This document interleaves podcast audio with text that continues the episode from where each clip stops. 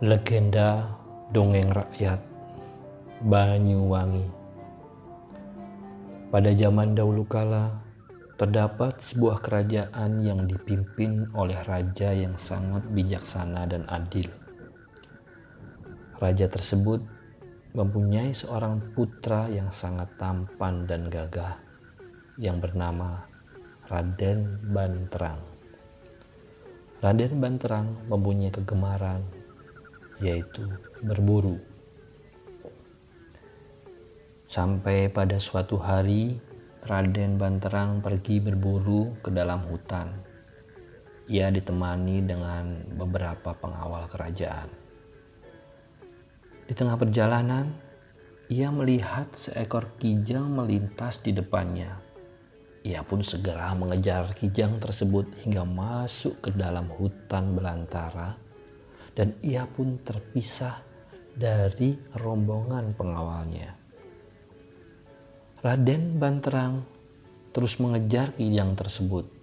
Ia semakin jauh, semakin jauh masuk ke dalam hutan. Sampai ia pun tiba di sebuah sungai yang sangat jernih sekali. Karena kelelahan mengejar kijang, ia pun mendekati sungai itu dan meminum air jernih itu. Di saat ia menikmati meminum air yang jernih, tiba-tiba ia sangat terkejut karena kedatangan seorang gadis yang sangat cantik jelita. Raden Manterang kebingungan karena ia takut gadis cantik tersebut adalah sejenis makhluk penunggu hutan ini. Namun, dia memberanikan diri untuk mendekati gadis cantik tersebut. "Siapa kamu? Dari mana asalmu?" tanya Raden Banterang. "Namaku Surti," Aku berasal dari kerajaan Klungkung, jawab gadis itu. Apa yang sedang kau lakukan di dalam hutan seorang diri? Tanya Raden Banterang. Saya berada di hutan ini karena menyelamatkan diri dari kejaran musuh. Ayah saya mati dalam pertempuran, kata Surti menjelaskan.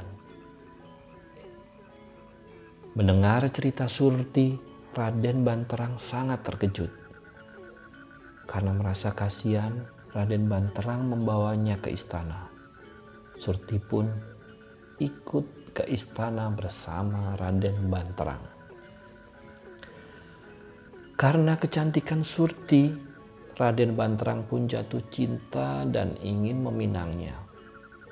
Akhirnya, mereka memutuskan untuk menikah mereka pun hidup bahagia.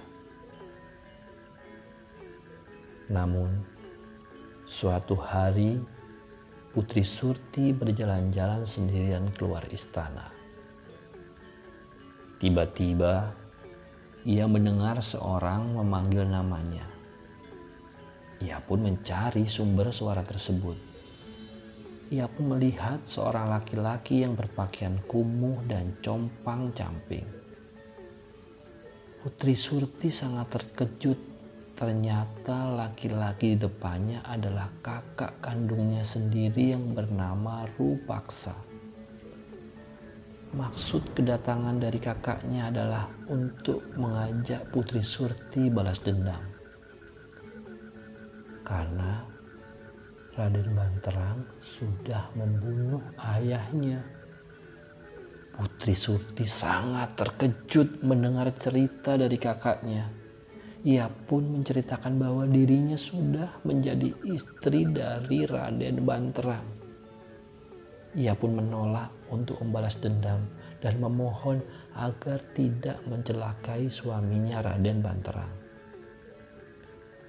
Mendengar cerita adiknya tersebut, Rupaksa sangat marah namun ia tidak memaksa dan memberikan sebuah ikat kepala kepada Surti. Rupaksa pun menyuruhnya untuk disimpan di bawah tempat tidurnya. Pertemuan Surti dengan kakaknya tidak diketahui oleh suaminya. karena Raden Banterang sedang berburu di hutan. Namun, suatu hari saat Raden Banterang berada dalam hutan, ia dikejutkan dengan kedatangan seorang laki-laki yang berpakaian compang-camping. Wahai Tuhanku, keselamatanmu berada dalam bahaya. Istrimu Putri Surti merencanakan untuk membunuhmu, suaminya sendiri. Tuan bisa membuktikannya sendiri. Istrimu menyimpan sebuah ikat kepala yang diletakkan di bawah tempat tidur.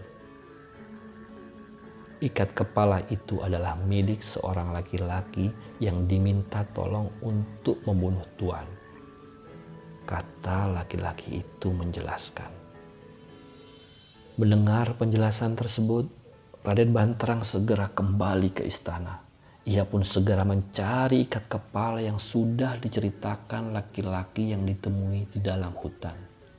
Dan ia pun sangat terkejut karena ia menemukan ikat kepala tersebut. Raden Banterang yang takut keselamatannya terancam dan ia pun akhirnya mencurigai istrinya. Maka ia pun berniat untuk menyelakai istrinya sendiri. Putri Surti menjelaskan asal ikat kepala tersebut. Tetapi tetap saja Raden Manterang tidak percaya. Raden Manterang berniat untuk menenggelamkan istrinya di sebuah sungai. Setibanya di sungai, Raden Banterang menceritakan pertemuannya dengan seorang laki-laki yang tidak dikenal ketika sedang berburu di hutan. Istrinya pun menceritakan pertemuannya dengan kakaknya Rupaksa yang ingin membalas dendam kepada Raden Banterang. Meskipun telah menjelaskan semuanya, ternyata itu tidak membuat hati Raden Banterang cair ia tetap menganggap istrinya berbohong.